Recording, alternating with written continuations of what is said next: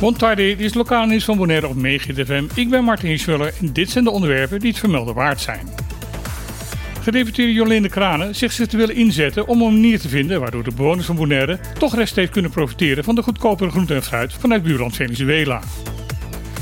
Toen vorige week dinsdag het eerste barkje vanuit Venezuela ons eiland na vier jaar aandeed, was de teleurstelling bij veel eilanders groot, omdat het niet mogelijk bleek te zijn om rechtstreeks goederen van deze boot te kunnen kopen.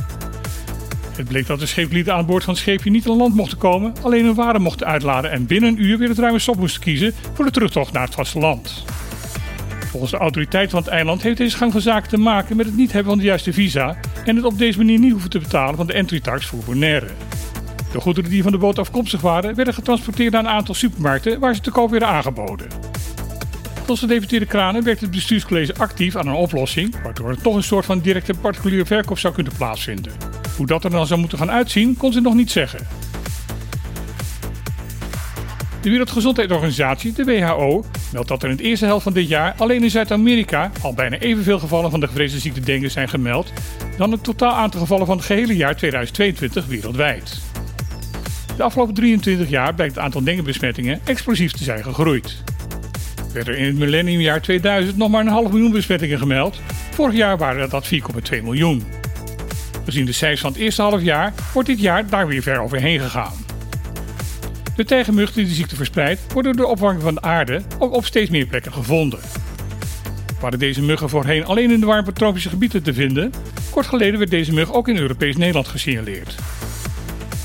In Brazilië heeft de ziekte de afgelopen maanden het meest huis gehouden.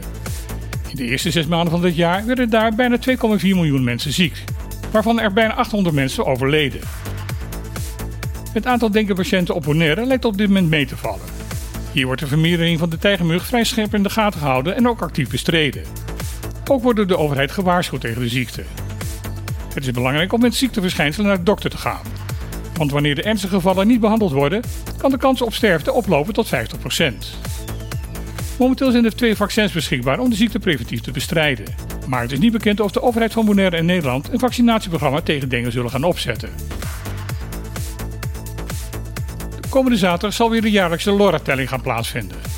De geelschouder Amazone-papegaai, die uitsluitend op Bonaire voorkomt, is al vele jaren bedreigd.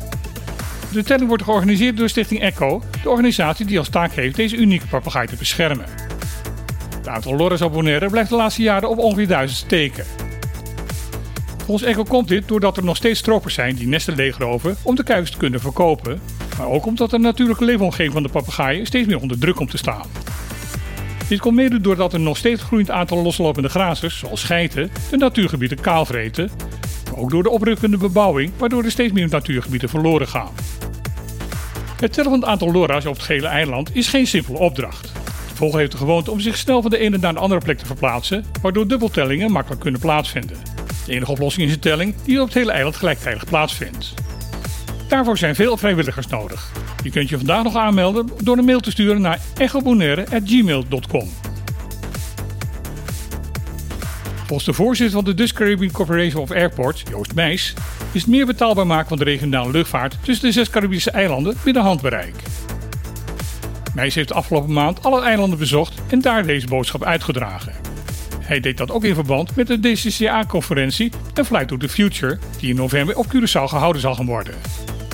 Daar zal volgens mij drie belangrijke aankondigingen worden gedaan. Volgens hem hebben deze te maken met het opzetten van betaalbare duurzame eilandverbindingen door middel van luchtvaart. Uit zijn verhaal is op te maken dat elektrisch vliegen tussen de eilanden daarbij een belangrijk onderdeel zal gaan worden. Ook zegt Mees dat er flinke stappen gemaakt moeten worden om de luchtvaart in het Caribisch gebied betaalbaarder te maken. Die kan volgens hem door onder andere de tarieven van de verschillende maatschappijen meer op elkaar af te stemmen. Volgens de voorzitter heeft de oprichting van de DCCA de band tussen de zes aangesloten vliegvelden versterkt en ziet hij mede daarom de toekomst met vertrouwen tegemoet. Dit was weer het lokale nieuws van vandaag op Megahit FM. Ik wens iedereen vandaag nog een luchtige dag toe en dan heel graag weer tot morgen.